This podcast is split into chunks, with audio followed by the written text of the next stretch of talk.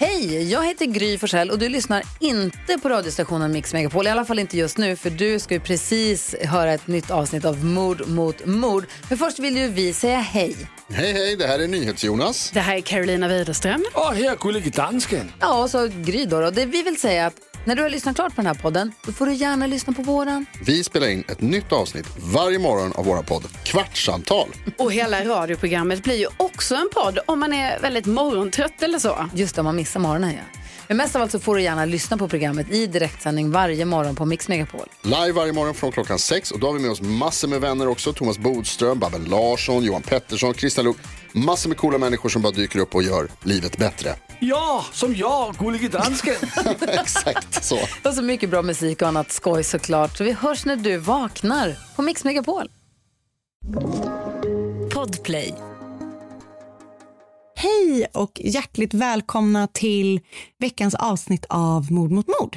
Eh, första avsnittet för det här året, tror jag. Nu blir jag osäker när vi släpper det här, men jag tror att det är så att det här är eh, årets absolut första avsnitt.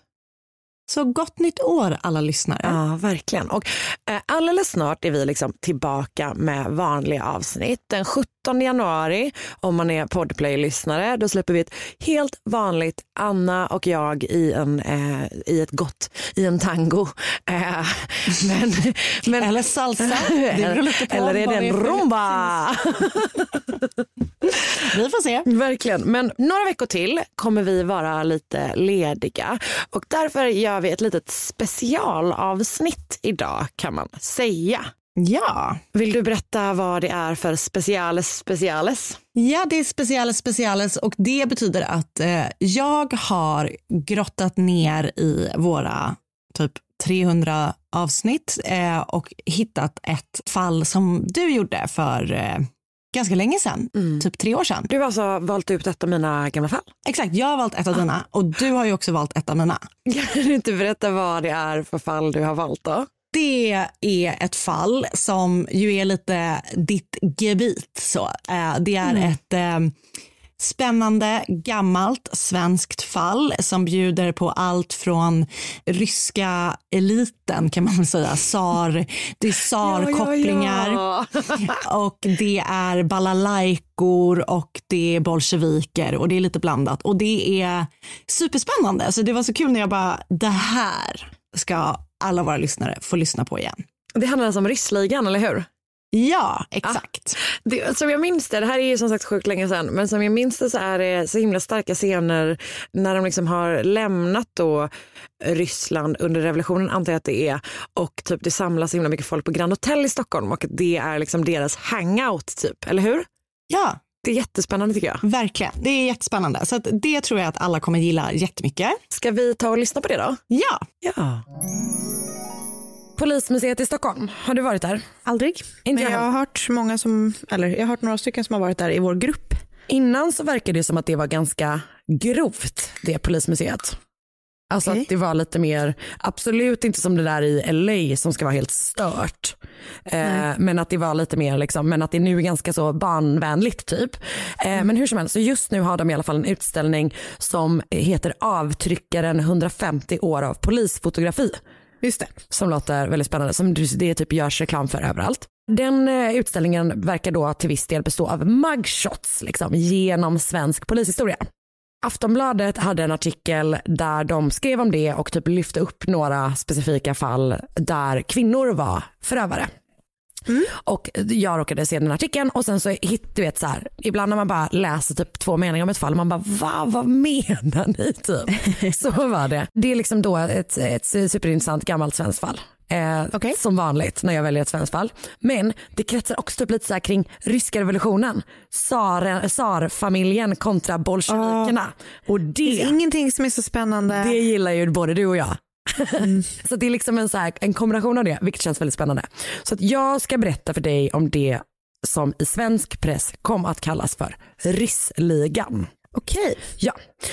Eh, och ledaren för Ryssligan hette Mohammed Bek Hadjetlatche. Okej. Eller det var åtminstone det han kallade sig under tiden i Sverige. Eh, man tror att han kanske hette Kasi Bek Akhmetukov från början. Men folk höll ju på så jävla mycket med olika identiteter och sånt. Så spännande. Eh, ja, exakt. Så att han föddes antingen 1868 eller 1872. Han sa olika själv. Han kom från början från ett område i Turkiet, eller typ gränsen mellan Turkiet och Syrien.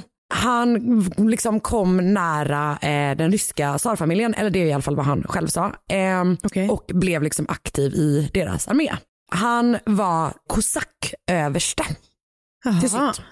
Och han var då muslim och under första världskriget så jobbade han med att liksom bibehålla stödet från ryska muslimer gentemot den, liksom, den ryska ledningen när de hade typ när de var i krig med Turkiet tror jag. Alltså det var någon sån grej. Jag ska verkligen, verkligen inte svära på den här eh, historiska kunskapen för jag har den inte. Men Du upplevde den inte? Jag är därför du inte har den. jag upplevde den inte. Nej exakt, det, här, det kan vi väl ändå vara tydliga med att det här är inte förstahandskälla.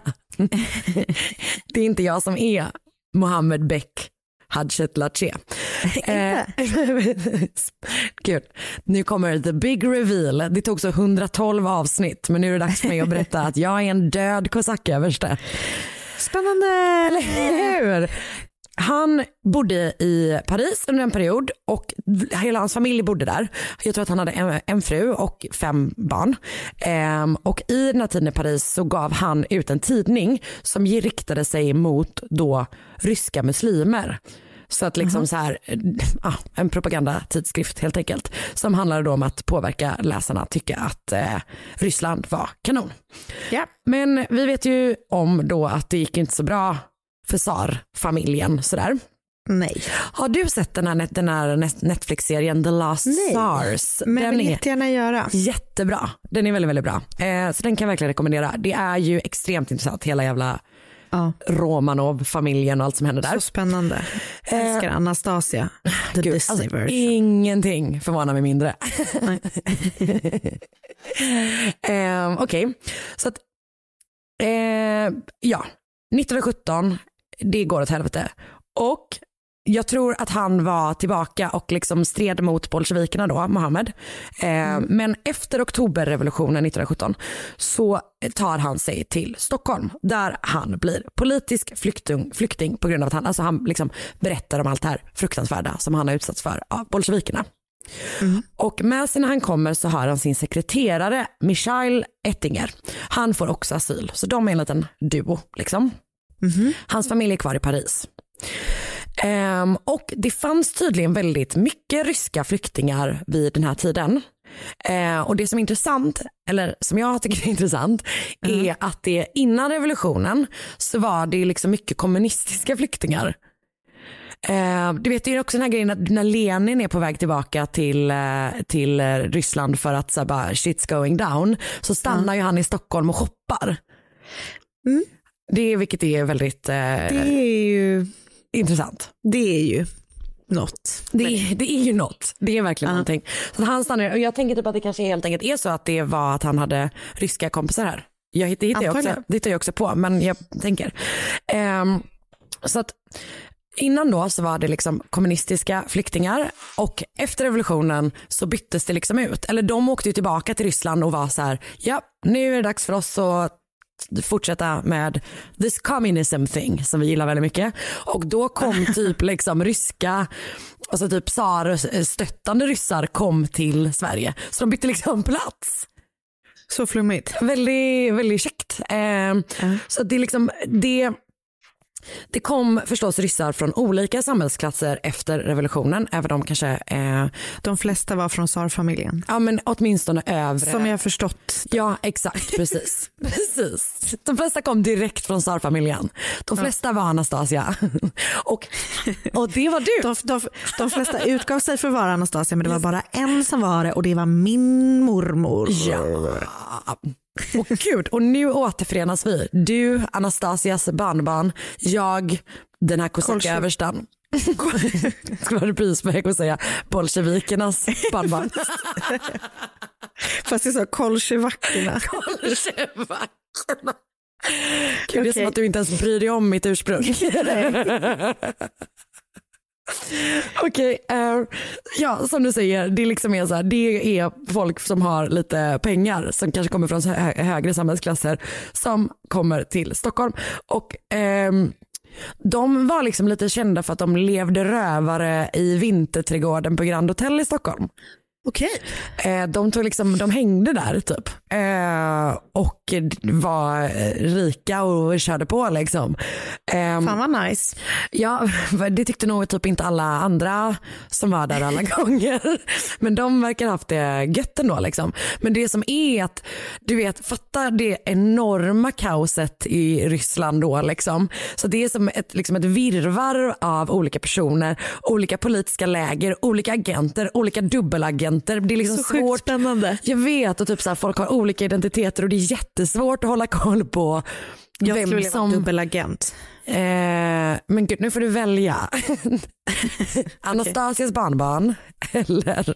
Men det är ju, det kan jag ju ändra på. Nej, just det. Det är verkligen, verkligen sant. Också bra att eh, cover up. Som? För, men alltså man älskar ju en dubbelagent. No one knew a thing. Alltså det är otroligt spännande med en fucking Det är väldigt spännande. Nej, men så att, och alla har liksom falska identiteter och du vet, det hålls på typ. Ja. Ehm, så att man har liksom lite dålig, de som hänger där, det är mycket ryssar men det är lite svårt att eh, nysta ut liksom, hur det egentligen hänger ihop. Typ.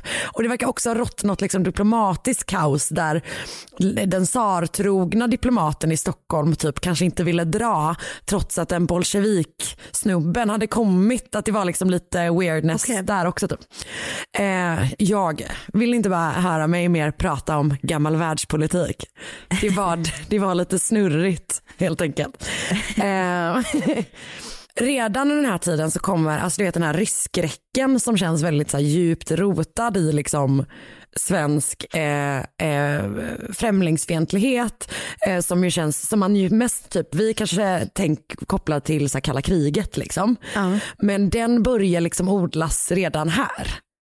Ja. Ehm, så att det är så här, eh, ja, det, det, folk börjar vara lite tveksamma till de här ryssarna och det som då Mohammed Bek Hadjilatje och hans kumpaner blir liksom kända för bidrar i allra högsta grad till den här bilden av ryssar. Liksom. Ja. Så Mohammed är i Stockholm tillsammans med sin sekreterare Mikhail Ettinger. Och han upplever, alltså eh, Mohammed är liksom upprörd för att han upplever att i Sverige så tillåts liksom bolsjeviker typ hålla på precis hur de vill. Alltså att de liksom är det, det finns folk som uppenbart jobbar eh, för Sovjet liksom, och att han inte upplever att, det liksom, eh, att man tar tag i det helt enkelt. Liksom. Ja. Ehm, och som sagt det pågår en del maktkamper mellan tsartrogna och bolsjeviker även i Sverige och det är någon skit med diplomater bla bla bla. Och eh, Mohammed blir liksom helt obsessed vid att bolsjeviktrogna har smugglat ryska rikedomar till Stockholm och gömmer dem liksom i stan. Ah, okay. Så han ser liksom kommunister överallt eh, och vill väl liksom fortsätta kämpa för det Ryssland han ser som så här sitt, sin, sitt land. Liksom. Ja. Så han bestämmer sig för att starta upp en tidning igen. Den heter Eko från Ryssland, fast typ så Eko Russi eller någonting. ja, väldigt Och- bra namn. Mm, eller hur? Och där publicerar han då antikommunistisk propaganda och ehm, den här gången då på, alltså på svenska med syfte att sprida historier från eh, liksom bolsjevikernas terror mot liksom en svensk målgrupp så att folk ska veta vad som hände där. Mm. Och det här gör ju också då att Mohammed får, kommer i kontakt med ganska andra, många andra exilryssar som har liksom liknande åsikter. Han börjar bygga upp ett litet gäng runt sig. Och de arbetar med den här tidningen fram till typ januari 1919. Men samtidigt så börjar också Mohammed liksom så här jobba på lite andra planer som lite mer handgripligen skulle kunna bidra till liksom kommunisternas fall. Alltså han har, han har tankar på någon slags kupp gentemot liksom Sovjetdelegationer Så i Sverige. sjukt Typ. spännande. Mm, jag vet, eller hur? Men han kommer ta en lite annan approach kan man säga. Okej. Som sagt, ett litet gäng exilryssar runt honom, runt Eko från Ryssland och det är då bland annat eh, den här Ettinger, eh, det är en hel familj som heter de Gysser. Eh, pappa, pappa Georg, jag tror att han har två söner och en dotter. Alltså alla tre är liksom tonåringar som är aktiva i den här okej. gruppen. Även typ lite så, men lite olika ryssar och deras fruar typ verkar det vara. Det finns också två svenskfödda kvinnor som har gift sig med, med, med ryssar i det här gänget. Marie Putolov och Sigrid Ronkonen. Båda var då liksom änkor. Där den enas man har begått självmord och den andras man har dött i strid i hemlandet. Dottern i den här familjen de Gysser, hon heter Dagmar. Hon är bara 16 år när hon träffar Mohammed. Ett poddtips från Podplay. I fallen jag aldrig glömmer djupdyker Hasse Aro i arbetet bakom några av Sveriges mest uppseendeväckande brottsutredningar. Går vi in med hemlig telefonavlyssning och, och då upplever vi att vi får en total förändring av hans beteende. Vad är det som händer nu? Vem är det som läcker? Och så säger han att jag är kriminell, jag har varit kriminell i hela mitt liv men att mörda ett barn, där går min gräns. Nya säsongen av Fallen jag aldrig glömmer på Podplay. Dagmar är liksom super, super smart och hon, har, hon är då född i Ryssland men har kommit till Sverige och har väldigt, väldigt snabbt lärt sig svenska. Jag tror också typ att hon kan franska, hon är liksom väldigt, väldigt begåvad. Och det gör då att det i kombination med att hennes familj uppenbarligen är aktiv i den här rörelsen gör att hon blir ganska tätt knuten till den här tidningen för hon börjar översätta texter från ryska till svenska då. Nu spolar vi framåt. För den 18 juli 1919 eh, går en man in på en polisstation i Stockholm och berättar att hans vän Nikolaj eh, Ardashev är försvunnen. Så Nikolaj var från Sankt Petersburg från början men han bodde då också i Stockholm och jag tror att hans uppgift gentemot liksom Sovjetregimen var att han skulle liksom köpa på sig tidningspapper och skicka till Sovjet för att de tydligen hade brist på tidningspapper. Okej. Ja, jag vet inte. Eventuellt skulle han också spionera på antikommunister. Jag är lite osäker. Allting är lite osäkert. Ingen har sett honom sedan hans hembiträde den 3 juli såg honom hoppa in i en bil utanför sin lägenhet på Karlaplan.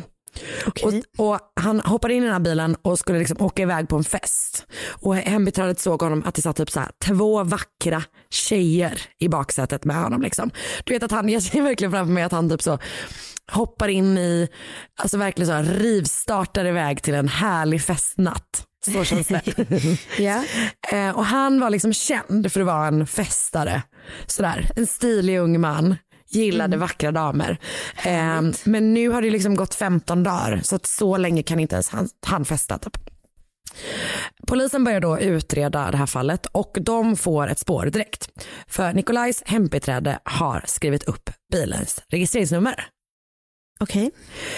Och snart då så kopplar man den till Mohammed Bek Hadjetlatche och en villa som han har köpt i Bollstanäs i Upplands Väsby. Så den 27 juli 1919 så genomför polisen en razzia i villan.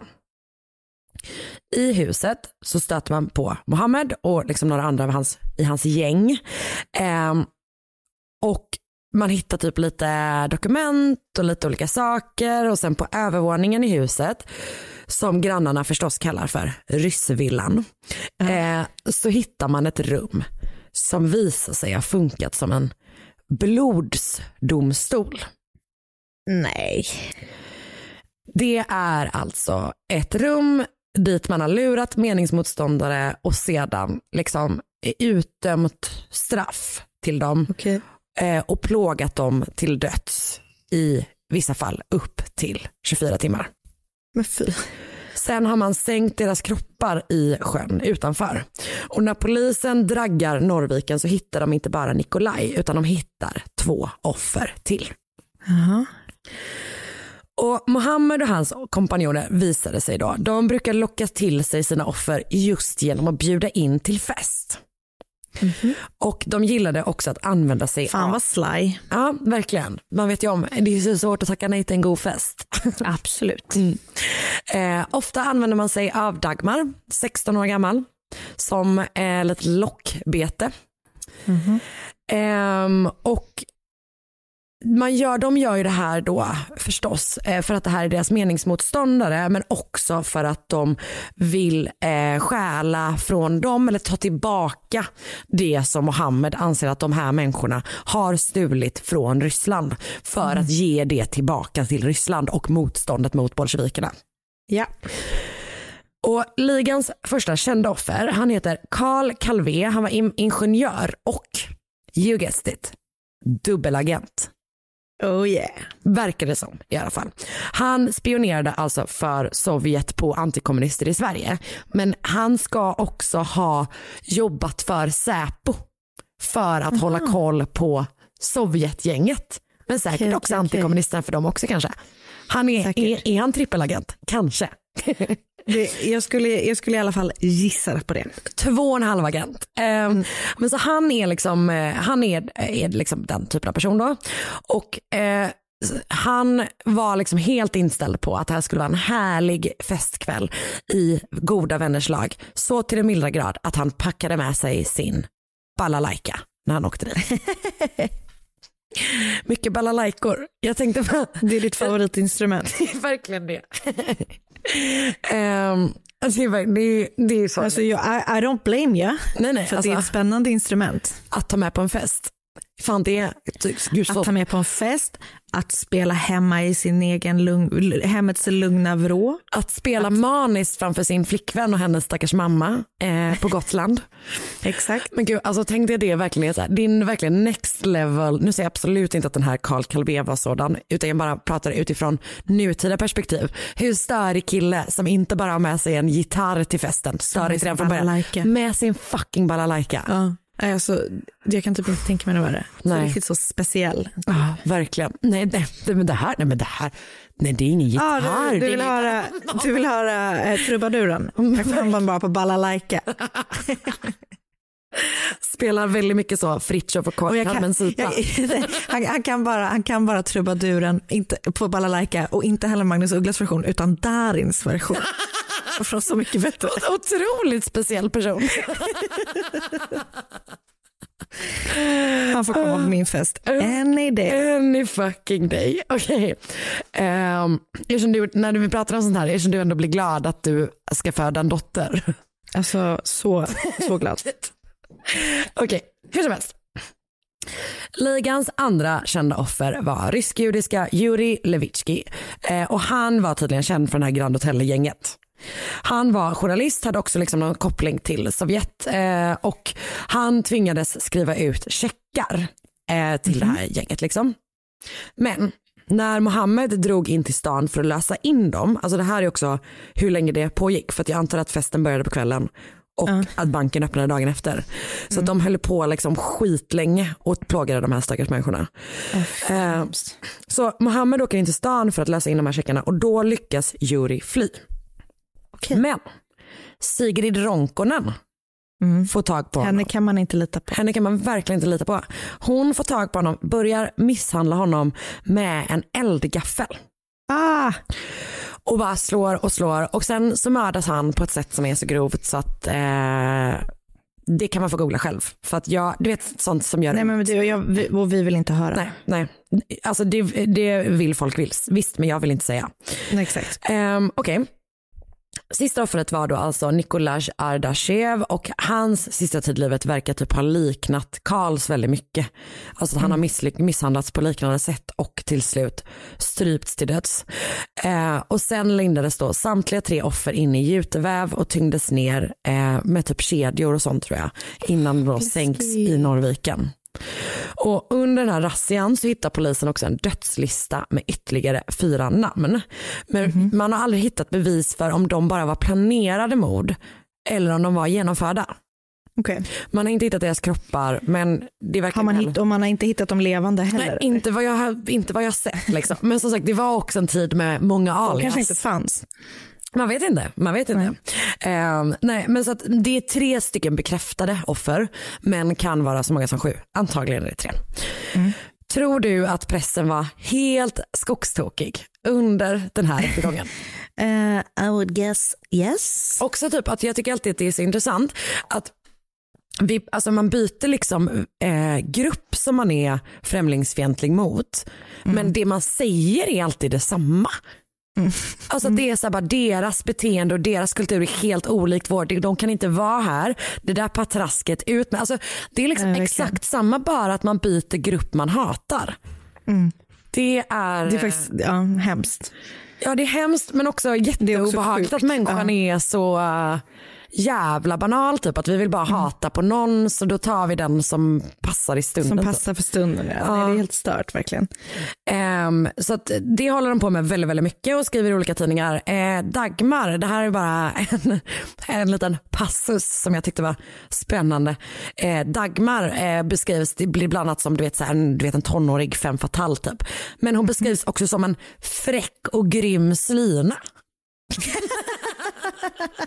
Vilket typ med dagens ord bara låter som att hon är, alltså kanske inte just Slina, men Slina är också sånt jävla gammalt kränkt. Men fräck Alltså, det är- och grym låter också bara som att man bara wow, vilken Alltså, jag vet tjej. inte om jag tänker att slyna är ett gammalt knäck. Jag tänker att det är ett sånt ord som användes typ i högstadiet. Ja exakt, för just det, det är verkligen, jag får inte blanda, det är ett gammalt kränk för att det användes på högstadiet men det är inte gammalt för att det användes under den här tiden. Nej, eller förstår du vad jag menar? Inte under din första livstid. Nej exakt, exakt. Fräck och grym slina. Sjukt. Mm. Gud, om jag någonsin börjar vara på Tinder igen, min Tinder-bio. Gud ja. Så sexy.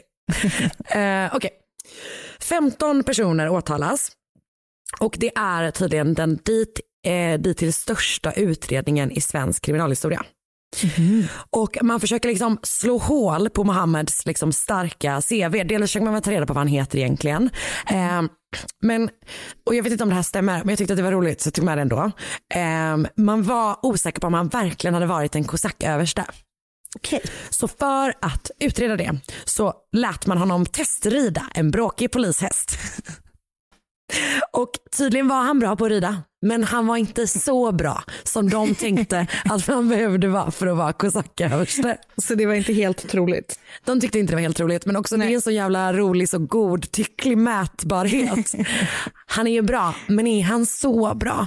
Du vet, Jag jag, tänker mig att de, att de dans, alltså att de fick honom att dansa, du vet som en kosackdans, att bara, han kommer långt ner, men kommer han så långt ner? Och hur många gånger kan han sparka med benen? Och hur hög är hans hatt? eh, ja. Just ja, och det här med att man också sa, han, du vet att han hade sagt att, han, att alla pengarna skulle gå till motståndsrörelsen. Alla pengarna hade gått till hans fru. Så, Okej. ja. Ehm, Mohammed Bek Hadjetlatche, jag kan ju upp, upp verkligen inte, jag fattar inte varför jag skrivit hans efternamn så många gånger. Eh, men han blev i alla fall den sista som dömdes till döden i Sverige. Okej. Men hans straff blev omvandlat till livstids straffarbete när vi tog bort dödsstraffet. All right, all right, all right. Det känns som att man har hört många ändå som var den sista som fick dödsstraff. Det är verkligen sant. Det känns som att alla fall som jag gör. Men är det inte för att det typ ofta är så här, han var den sista som avrättades på specifikt den där galgbacken. Säkert. Uppenbarligen så tycker jag ju att det är spännande. Jag måste börja fact-checka det här mer.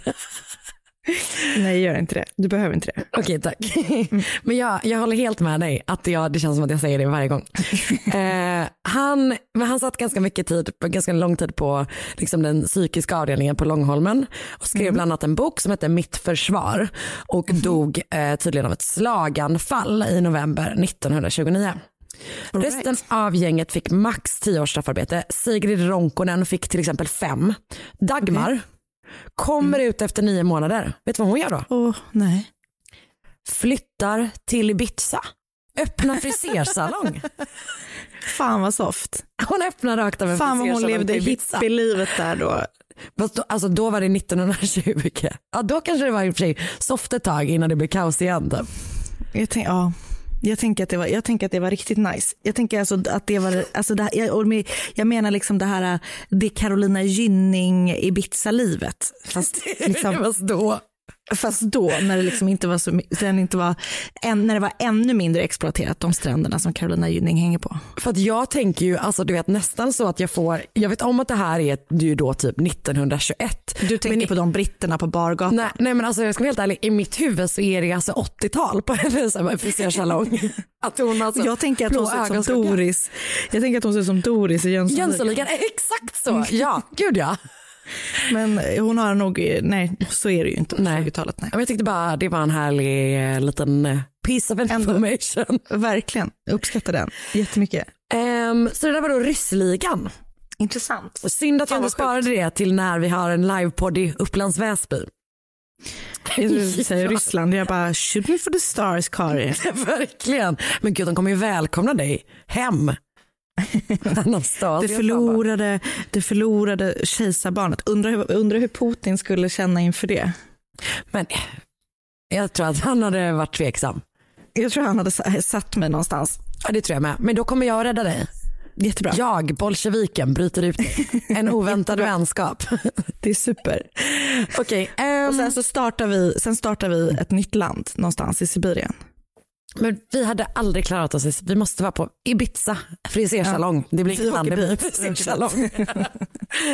Okej, jag har då läst Aftonbladet-artikeln Sigrid slog ihjäl en man med en eldgaffel av Katarina Norgran men också Populär historias artikel med rubriken Ryssligan mördade bolsjeviker i Sverige av Sara Griberg samt Okej. Nordisk familjebok från 1924 och Wikipedia. Bra, tack snälla. Tack snälla ska du ha. Gud vilket spännande fall som jag berättade om. Det var helt otroligt, eller hur? Visst, tack snälla för att du valde just det. Vad har du valt då? Jag blir lite pirrig. Eller hur? Jag förstår det. När vi började den här podden så kändes det som att du, då var det ofta att du pratade om att du var så himla dålig på att googla. Ja, Kommer du ihåg? jag minns allt om det. Alltså du har ju blivit otroligt bra på att googla. Tack. Det finns ju ingen människa på jorden tror jag som är så bra på att hitta spännande liksom, nya fall man aldrig hört talas om som är med twists and turns. Man vet aldrig vart Tackar, du kommer ta vägen. och det här fallet som är, det är typ ungefär från samma tid, det är några veckor efter det fallet som jag ju, gjorde precis. Så Raging Pandemic var det? Är det det? Ja, absolut. Ja, okej. ja. Ja, men jag har i alla fall valt eh, ditt fall från avsnitt 121. Vi har kallat det för Mannen i fiskenätet och det är, eh, handlar om mordet på Ronald Platt. Och det här är verkligen ett sånt, liksom ett sånt bra exempel på ett riktigt Anna-fall. Det är, vart ska vi ta vägen? Vart ska vi ta vägen? Det är vändningar. Mm. Så att eh, det har jag valt ut som eh, ett av mina favoriter från ditt arkiv helt enkelt. Hoppas att det är så spännande som du säger att det är. Låt oss lyssna. På morgonen den 28 juli 1996 så åker två fiskare ut för att eh, fiska helt enkelt eh, med sin båt utanför kusten eh, i South Devon i England. Okej. Eh, och de ger sig ut och så får de liksom in, det, där de brukar fiska blir liksom inte fruktsamt så de rör sig vidare eh, och åker till en plats där de inte brukar fiska vanligtvis och så slänger de i sina nät och eh, så låter de näten ligga i i typ en timma och eh, när näten är fulla med fisk så drar de upp dem. I nätet, näten, eller ett nät, så är det då inte bara fisk. Utan i det så ligger också en manskropp. Oj jävlar Mm. vad läskigt. Så sjukt obehagligt. Ah, fy fan. Alltså enormt filmiskt. Så På ett filmiskt. fruktansvärt sätt. Ja, så jävla obehagligt. Okej. Så de här två fiskarna då, de får ju liksom upp mer än vad de önskar. En hel person mer än eh, det. Så de kontaktar genast polisen och åker liksom in mot land. Och ehm, mannen är fortfarande väldigt intakt. Så att man är så här, han, Han kan inte ha han har nog inte legat här eh, så länge konstaterar polisen. Ehm, han är klädd i eh, skjorta, byxor, eh, ett skärp, eh, inga ytterkläder. Han har skor på sig, men han har ingen plånbok eller någonting som kan identifiera honom. Ehm, på armen har han en Rolex-klocka. Men allt annat är borta. Liksom. Han har ingenting i fickorna, ingenting så här. Rolex håller. Fan vad de är hållbara. Men Jag har ingen aning, jag kan det ska man, absolut ingenting om klockor. Det ska man få om man betalar så för Det är verkligen, verkligen sant. Eh, Så polisen är bara först så här, okej, det här är förmodligen en man som har trillat över bord. Alltså det är en olycka. Han har ute med båten och eh, trillat över bord. Någonstans i krokarna liksom. Men det finns inga rapporter om saknade personer någonstans och liksom, de bara så här, ja, det, det verkar lite mystiskt tycker de. Att han liksom har trillat i och typ, ja, de, de fattar inte riktigt sådär. Eh, så de, de låter rättsläkaren undersöka kroppen. Eh, och då visar det sig att kroppen har liksom lite skador. Så. Bland annat så har han, den här mannen som de har hittat, ett jack i huvudet. Och polisen tänker typ så här, men det behöver inte betyda någonting det här jacket utan det kan ha varit att det typ har blivit skador du vet, när han har dragits in i nätet. Att så här, han har åkt in i båten, han har åkt in och hårt, alltså du vet så här. Så att de, de är lite sådär, ja, Det är oklart. det är oklart. Liksom. Det, kan det kan verkligen, verkligen fortfarande vara en olycka. Rättsläkaren hittar också, eller det har ju polisen sett också, han har en tatuering på handen. Eh, och den är eh, liksom lite sådär som, som gamla tatueringar blir. Den är liksom lite utskav. Så att den är lite så här oklar form. Jag tycker typ det ser ut som ett skepp. Man, man, man, det liksom kan vara lite olika former. Typ. Eller det kan vara olika motiv. Fantasin får göra sitt. Och din fantasi gav dig ett skepp. Ja, men för jag tänkte, precis, han är på en båt, kanske. Eh, Ja. så. Men den här Rolexen, den kan, tänker så här, polisen, bara, den kan bidra med information om vad det här är för person. För att om det är en äkta klocka så har den ett serienummer som de kan spåra. Just det. Ja. Eh, och klockan är äkta.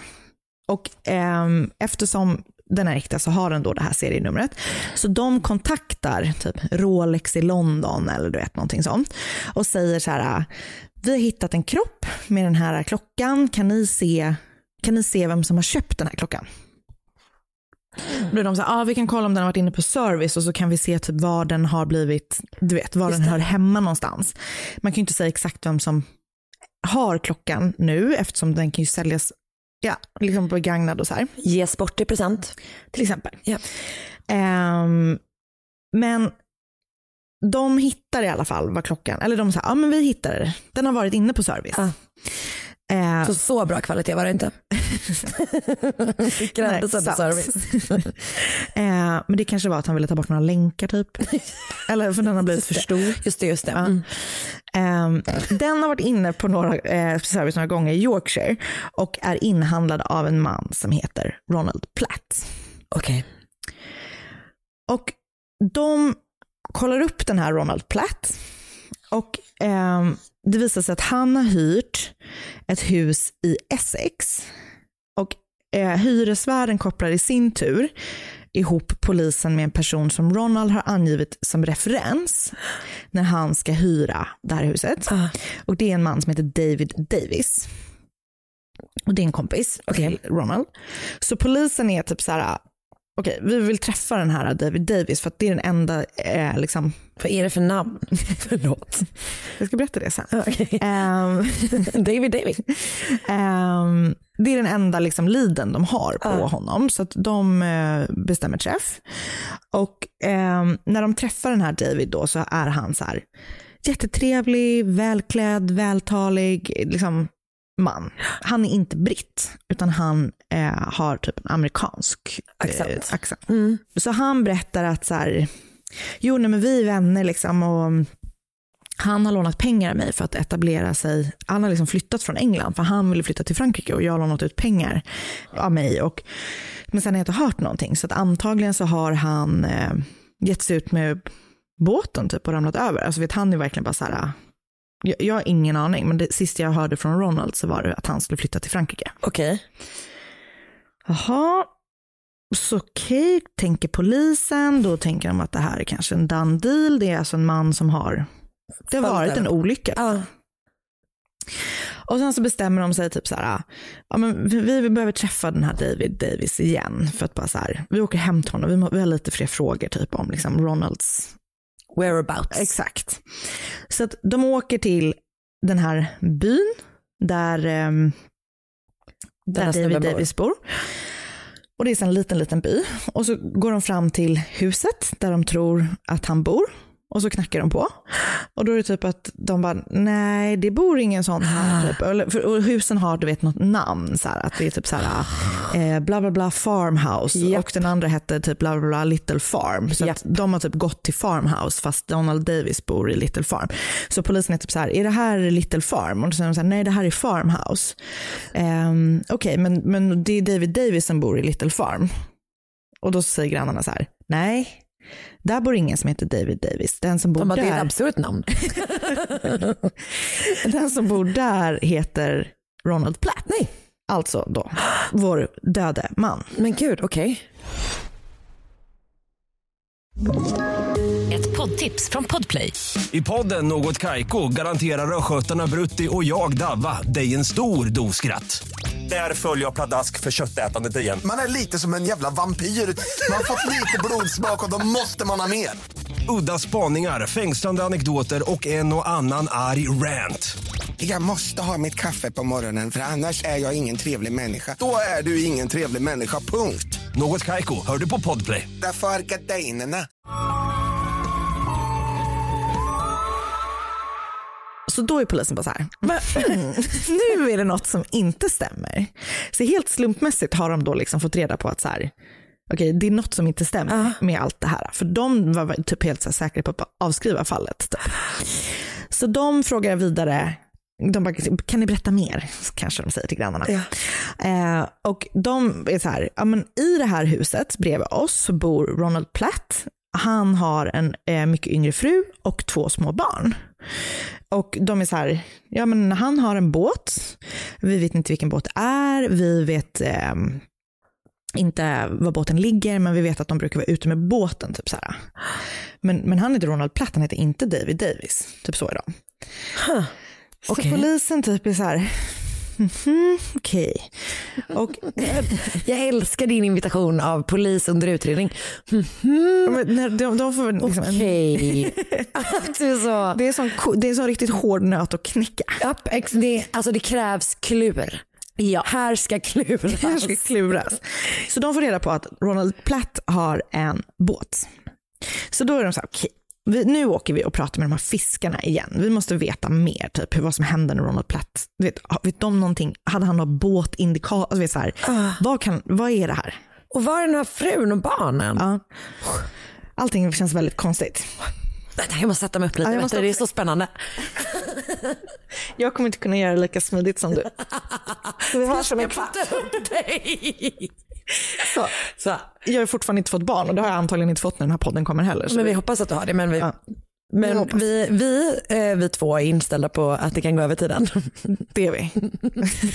Oskar däremot. Han, han, han, han tror inte på det. Um, Okej, så de åker och pratar med fiskarna igen. Och här, var, var, var det något mer som ni tänkte liksom var konstigt när ni hittade den här kroppen? Då är de så här, ja, det var ju lite så här konstigt för att i nätet så fanns det också ett ankare. Och eh, det tänkte vi inte på först. Och det här ankaret har då fiskarna i sin tur typ du vet så här, fiskaren gav det till sin svärmor som skulle ha en garage sale och du vet så har det så här ankaret typ fått fötter. Men polisen lyckas, som tur är, få tag i ankaret. Så att de är så här, okej det här äh, och Ronald Platt själv hörde inte hemma i nätet. Hör de ihop? Undrar de då. Ja. Hmm, Okej. Hmm, okej, jag skriver ankare här.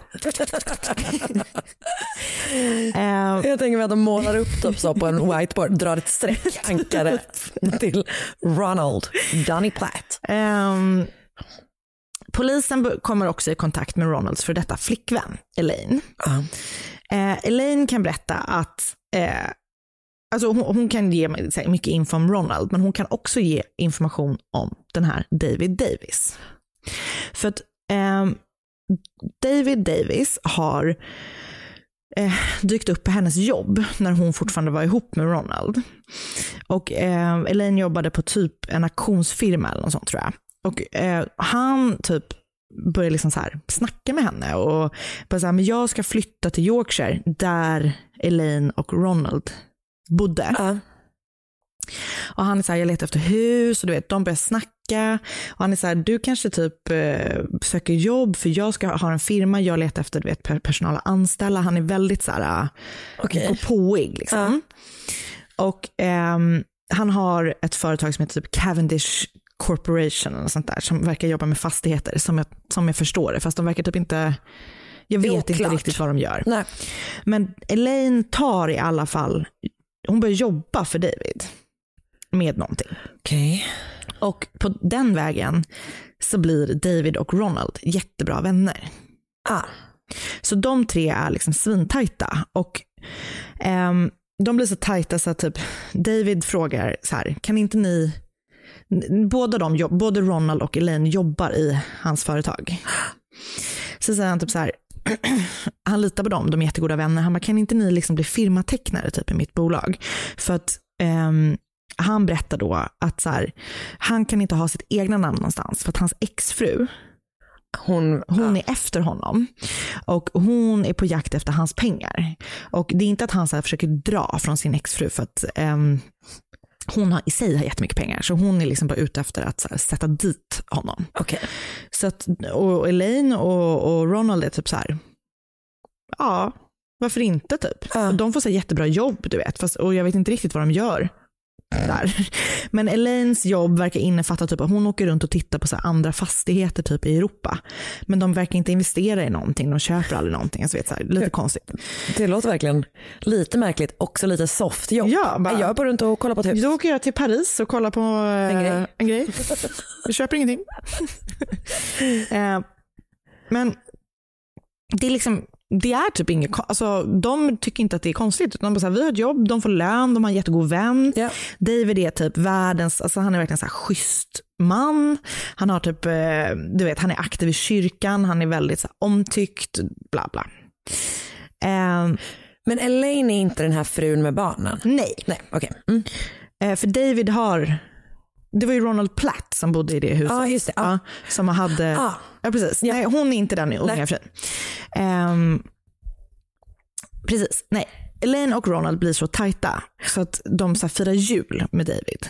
Och då har David sin dotter med som är typ 15 eller något sånt där.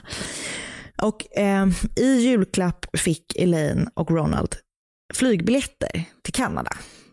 För tydligen så har Ronald en dröm om att flytta från England och flytta till Kanada. Okej. Eh, och biljetterna som David ger dem är, ska utnyttjas, det här är alltså julen 92 antar jag. Ehm, de, för de måste utnyttjas innan februari 1993. Oj, kort tid. Ja, så Elaine, Elaine tycker bara så här, det här är lite weird tycker jag. Typ, att varför måste vi så här, åka, måste, varför måste vi flytta, alltså du vet så här, måste, varför, varför är det så kort datum? Och planen är typ, alltså är, alltså är hans grej så här, ah, men ni sa ju att ni ville flytta dit. Exakt. Så det är inte typ så här, så nu kan ni åka dit och reka utan Nej. det är så här, nu ska ni flytta dit. Exakt. Okej, ah. Känns som att han tar sig lite grann friheter ändå. Verkligen. Men, så Elaine är lite så här, okej, weird typ, men, men Ronald är så superexalterad för han har alltid velat flytta dit. Ehm, och David var också typ så här, men om ni flyttar men ändå vill jobba kvar i Cavendish Corporation så, så kan vi lösa det. Och då löser vi det liksom genom att ni, för de är ju firmatecknare. Vi löser det typ genom att vi gör en stämpel av båda era signaturer. Så att jag kan så här stämpla papper. Typ, så att ni kommer inte behöva sitta så här och göra allt pappersarbete från England. Jag kan lösa det. Men liksom jag, det, det vore enklast för mig om ni typ bara kunde vara kvar som så här firmatecknare i Det bolaget. låter inte så bra att göra en stämpel med någon signatur. Nej, det är inte det. Det låter lite olagligt. Det, det tror jag verkligen. Vi får fråga vår advokat sen. Vi gör det sen. Eh, men de gör det och Elaine Ronald flyttar till Kanada. Eh, och när de väl är där så, alltså Elaine trivs inte alls. Hon får typ inget jobb, Ronald har också lite svårt att få jobb, det är kallt, alltså du vet, så här, de typ kommer mitt i vintern. Så att bara fem månader efter att de har flyttat så kommer Elaine hem. Och det är dels för att hon ska vara, eh, tärna på sin syrras bröllop, men också för att hon har bestämt sig för att hon inte vill vara kvar. Hon, hon pallar liksom inte leva där. Och, och, så hon lämnar Ronald och Kanada. Och David som då har blivit jättenära vän även med då Elaines syrra är också på bröllopet och han är bara så här, men ska du inte ge det en chans till? Typ, du måste så försöka eh, så här, ge Ron, det här är Ronalds stora dröm, typ. ge honom, du, liksom, du måste ge den till chans. Men, men hon vill liksom inte. Nej. Så han är, Man bara, just, poängen är ju att det är Ronalds stora dröm. nu har vi testat på den i fem månader och det. Exakt, det funkar inte. Nej. Eh, men han, och han blir liksom väldigt irriterad på att han tycker att hon liksom är så här omöjlig, typ, som inte vill göra det. Eh, efter bröllopet så bryter David kontakten med Elaine och flyttar från stan. Okej. Mm. Men de är fortfarande firmatecknare i det här Ja, då, då, bolaget? får, då får väl hon typ inte vara kvar, antar jag. Eller han, han kan ju ha kvar dem för att han har ju de här jävla stämplarna. Det kan han. Ja. Men hon har ingen kontakt med någon av dem. Varken. David eller Ronald. Nej. Eh, eller hon har kontakt med David igen 1998. Okej. Så eh, på, när polisen då har hört typ den här historien om David så bestämmer de sig för att plocka in honom för att så här, prata lite mer med honom. För att nu är de bara så här, okej, Något skevt händer. det här är konstigt. Ja. Och Elaine tycker också att så här, när hon får höra att Ronald då har dykt upp död från en båt, alltså vet så här, hon bara, det är något som inte stämmer. Jag skulle prata med David om jag var ni. Så sagt och gjort, han tas in på förhör för inblandning i mordet på Ronald Platt. Så väl inne på polisstationen så går de igenom, alltså vet de griper honom, han är typ följer med helt så här ah, frivilligt, bara of course typ jag ska hjälpa er och du vet så här. Så går de igenom hans fickor, de går igenom allting och i fickorna så hittar de två olika legitimationer. En som visar att han är David Davis och en som visar att han är Ronald Platt. Och sen så börjar det bara unravel. Ah! Eh, Okej. så när de har grivit, gripit David så åker de också hem till Davids hus. För de vill ju plocka in hans fru. Eller då Så inser de de, gick aldrig in i det där huset då? för då inser de ju då att så här, okay, det här huset som de, David Davis bodde i, Ah, där de sen fick höra att Ronald Platt bodde i, Ja. det är ju för att han, han har använt det namnet. använt det namnet. Japp. Så att nu, Så det är hans fru ja. Exakt, så nu ska jag försöka hålla det tydligt här med massa olika namn. Men, så då är det Davids yngre fru, liksom, Ja. som var då Ronalds plats yngre fru. Eller man ska säga. Ja men exakt. Ja. Så att hon, han och, polisen åker dit och bara så här, vi vill gärna att du följer med oss. Typ så här. Och hon har ju två små barn. Så hon är så här, okej jag följer med, absolut. Jag ska bara plocka ihop lite så här tillbehörigheter, till, tillhörigheter till barnen. Så börjar hon packa typ. Och sen så när hon har packat så är polisen bara, jävlar vad tung hennes väska ser ut. Vad har hon i väskan typ? Barnen. Titt ut. Backa dem. nej, och då när de bara så här, får vi titta i din väska? Så har hon alltså packat guldtackor och massa cash. Oh my god, alltså be cool. Vad fan, okej. Ja. Så i huset då, så här, de bara, okej, this is weird, plockar med henne in såklart och så går de igenom huset och där, där hittar de kontanter i massa olika valörer. De hittar flera guldtackor och typ massa fina tavlor. Som hittar liksom så saker som är bara så här, vad gör han med de här grejerna? Ah. Alltså Oscars högsta dröm att ha guldtackor hemma. eh, så att eh, båda, både då eh, Donald, nej, det var ett ihopdrag av David och Ronald. David slash Ronald och hans fru plockas in på förhör och båda har till en början så här väldigt så här välvillig inställning att hjälpa polisen och bara så här, men klart vi ska berätta allting vi vet. Men sen när de väl ska bli förhörda så, Så bara, bara- kniper de som möss. Liksom. Så polisen eh, får humma lite till. Mm. Men jag har en fråga. Ja. Eh, frun, Ja. känner hon honom som eh, Ronald? Det kommer. Okej, mm. förlåt. Oh, jag är så spänd. Ja. Ehm, så de får humma lite till polisen då och bevisa och på egen hand. Liksom, så här, de får, måste skrapa fram bevis på att här, David Davis har mördat Ronald Platt och, Och tagit hans identitet. Så att på, på liksom, det som, så, ja, så att på något sätt så lyckas polisen ehm, lokalisera, eller de får reda på att David slash Ronalds båt heter, den här som grannarna hade berättat om, den heter Lady Jane. Japp. Och Eh, de hittar en bild på den typ i huset och så här. Så de bara, okej här är båten som vi letar efter.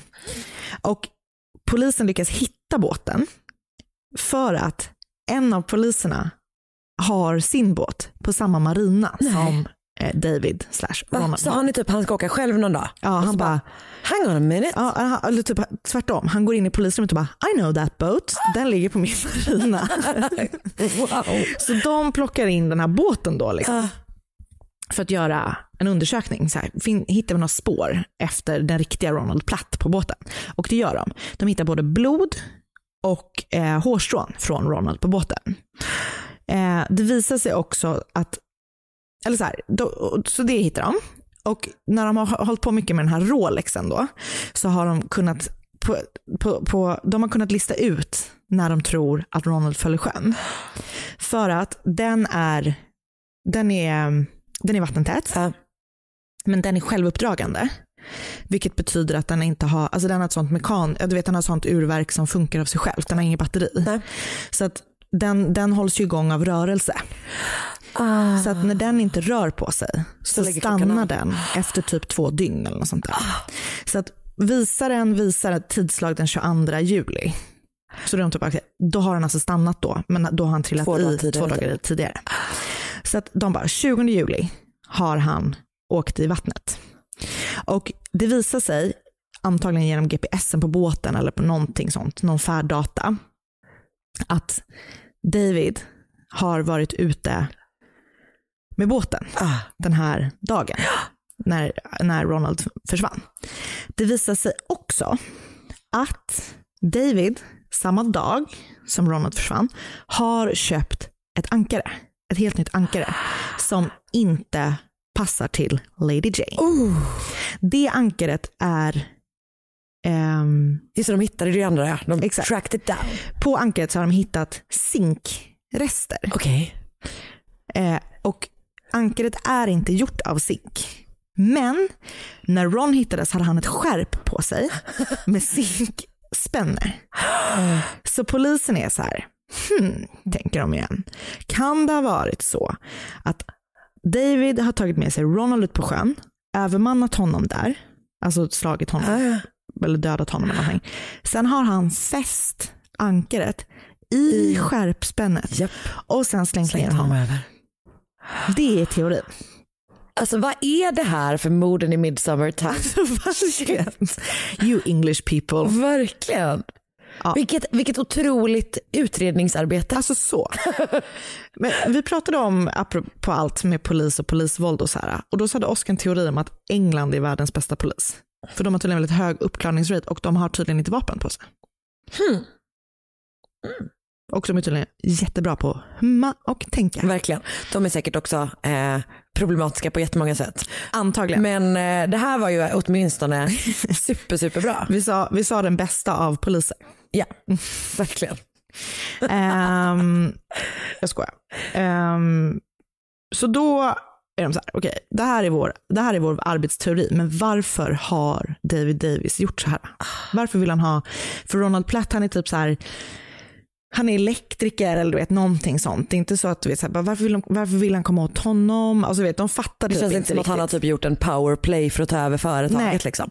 Men de har fortfarande typ inte hittat någon familj till honom. Till Ronald Platt? Ja. Nej. Förutom det här Förutom exet. Elaine. Liksom. Mm. Ja. Ehm, och så de var så här, okej vi skickar Dave, David är ju uppenbarligen inte från England eller från Storbritannien. Vi skickar hans fingeravtryck till Interpol. Ehm, och när de får svar från Interpol så är de bara, det här, det här är inte David Davis, han heter inte så, det är han som har- de här äh, fingeravtrycken. Utan ägaren till fingeravtrycken är en man som heter Albert Walker. och Albert är... går. Albert är eh, kanadensare som är efterlyst för att han har stulit 3,2 miljoner dollar. Och han ligger faktiskt på topplistan. På Most Interpols- wanted. ja, Åh oh, jävlar. Ja, så sjukt. De har fångat en stor fisk. Det har de. Så Albert, som han då heter, har bott i Ontario med sin familj. Och när han och hans fru skiljs så börjar det liksom gå söderut, som det heter, eh, för honom. Eh, för, och jag vet inte riktigt varför egentligen. Eller du vet, så här, de skiljer sig av någon anledning. Efter det så försöker han göra inbrott i sin egna familjs hus. Som ett försäkringsgrej? Antar det. Då grips han. Ehm, men kort efter det försvinner han. Alltså han bara, han försvinner. Med 3,2 miljoner dollar som han har stulit från sina kunder. För han har typ ett investmentbolag av något slag. Så han, han säger till sin familj att han ska ta med sig sin dotter Kina. Som de träffade på jul? Ja. Han ska ta med henne ehm, och åka skidor. Eh, så, så att han drar liksom med henne. Och det gör han inte, utan de åker till England och sen till Schweiz. Och sen så försvinner alla spår av Albert Walker. Jag blev lite orolig för var den här, men de firade i och för sig jul tillsammans 92 sa vi. Och nu är det? Det här är typ 1990 tror jag han försvinner. Och sen aha, det är 98 när det här uppdagas. Just, det, men för jag har varit lite orolig för vart dottern tog vägen. Ja, det förstår. Ja. men hon är ju typ eh, vuxen då. Ja. Ja, okej. Mm. Ehm, så att han har eh, tagit med sig dottern, lämnat Kanada, åkt till England, sen vidare till Schweiz och där har han gått upp i rök. Och det är för att Albert Walker har tagit sig en ny identitet som David Davis. Fan, alltså det är så jävla mycket lättare att begå brott när man är sådär rik. Ja. Och David Davis är i själva verket en av hans kunder som han har stulit pengar från. Ja. Så han inser efter ett tag att han bara, men okej, jag kan nog inte vara David Davis allt för länge. För att han liksom vet ju vem jag är och du vet så här. Så att han behöver hitta en ny identitet som han kan stjäla. Han behöver bli en ny person. In comes Ronald Platt. Han tog hans underskrift med och sånt ju. Ja. Så han blir då jättegod vän med eh, Ronald och Elaine. Och eh, eller helt conveniently enough så har då Ronald en dröm om att flytta till Kanada. Han har ett Kanadalöv tatuerat på handen, inte ett skepp. Oj! Jag blev helt paff när jag bara, det var ju ett skepp med tre, med tre segel. Så det är det han har. Ja, så han har hela tiden varit så här, gud det vore så fantastiskt, typ så här, du som är från, ja, vad- var nu David Davis Ontario. säger att han är från. Ja, men tror just inte han det, ja, säger just det. Men eh, han bara, oj jag har alltid velat flytta till Kanada. Typ, det verkar... Älskar den sirapen. Verkligen. The, the, the, the maple syrup. ja, men så att, ehm, han liksom blir liksom jättegod vän med dem och är så här, men ja, fixar biljetter och för att det, det, det är Ronalds dröm och helt plötsligt har... Han tar, kan han ta hans namn? Exakt. Ja, så han bara tar ut honom från landet. Så därför måste han övertala Elaine att de ska stanna kvar. Ja. Japp. Så att ehm, han... Mm, mm. Jag. Du är... Jag hittar fram till lösningen. Du är Sist av alla. kommissarie Morse. Kommissarie. Stupid. Nej. Eh, så han har ju liksom, han har ju liksom en så vattentät plan. Han skickar iväg Ronald Platt till Kanada och så själv blir han Ronald Platt. Ingen, ingen har liksom no harm done egentligen. Så det blir inte så bra då när David Ronald Albert får reda på att den riktiga Ronald Platt planerar att komma hem från Kanada. För han har ju liksom planerat att så här, men nu, Nu har jag- en ny identitet. Liksom. Men så istället för att han då är den nya Ronald Platt, den nya och den enda Ronald Platt i det här området, så helt plötsligt kommer den riktiga Ronald Platt hem. Och det ställer ju till det som fan. Det är så kul. Det blir så jävla förväxlingskomedi plötsligt. Ehm, så polisen bara så här, okej det är därför han har mördat honom. Ah, han, vill behålla, han vill behålla hans Han vill ha hans identitet. Det blir för svårt. Så i juni 1998 så inleds rättegången mot Albert Walker för mordet på Ronald Platt. Och Albert menar bestämt att han är oskyldig. Japp, såklart. Men klockan och eh, båten ger de här viktiga bevisen då, som jag berättade om med det här med när han, ja, hur han kunde liksom lokaliseras och allting sådär. Elaine vittnar också om hur eh, Om hans typ han har typ groomat dem. Liksom. Eh, så hon är ju här superviktig del i både utredningen men också sen i rättegången. För, för det finns typ inga så supertydliga bevis på att han faktiskt har mördat och slängt i honom. För det är ju ingen som har sett det. Det är ju så här circumstantial typ. Han säger typ att så här, ehm, ja det här blodet det kom från att vi, vi var goda vänner, det stämmer. han och det här, han på skadade sig. Du vet. Så.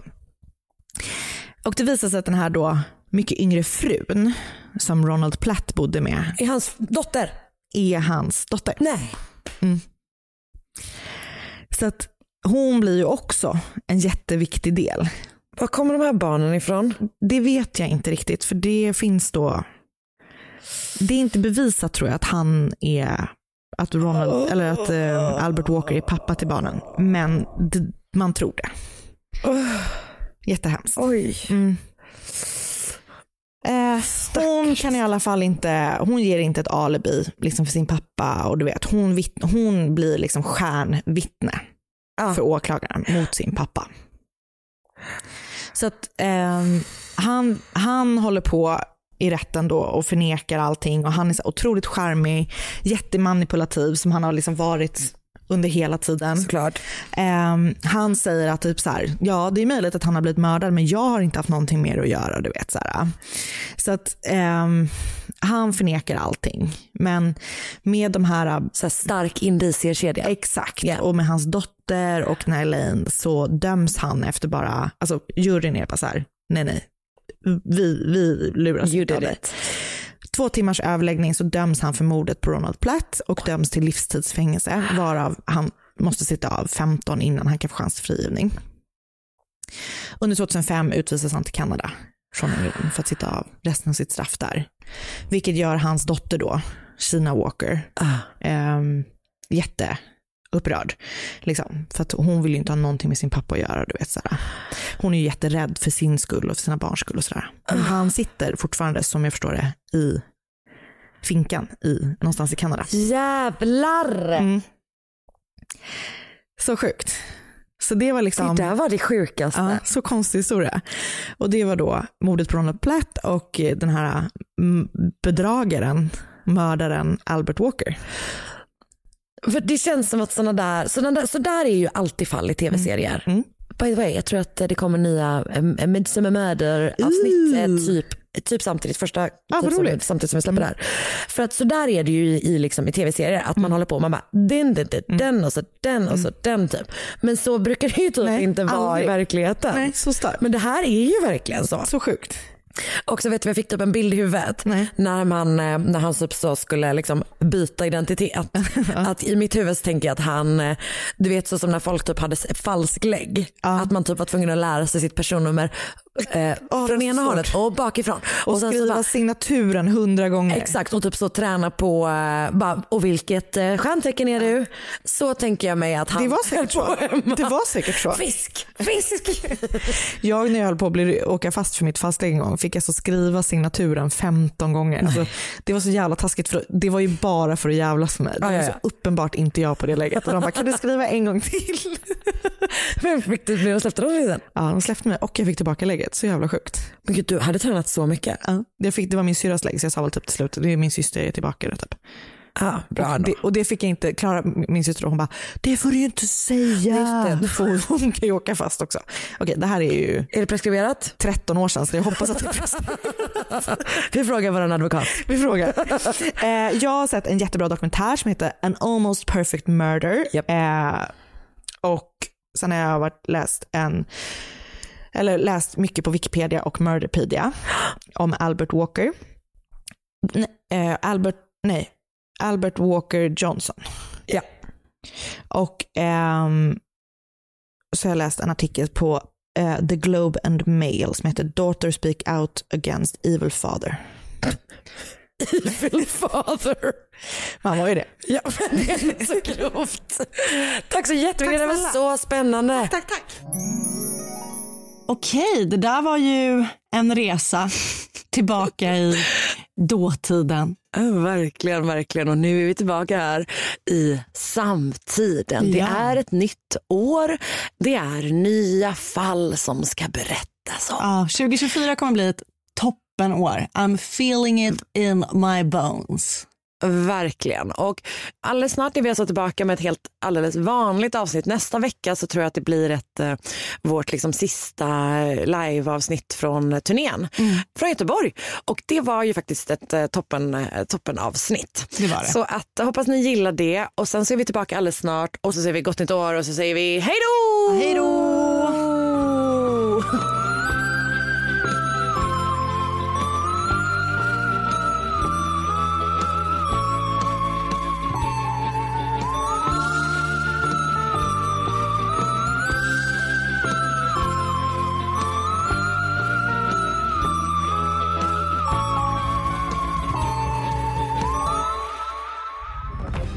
Podplay, en del av Power Media.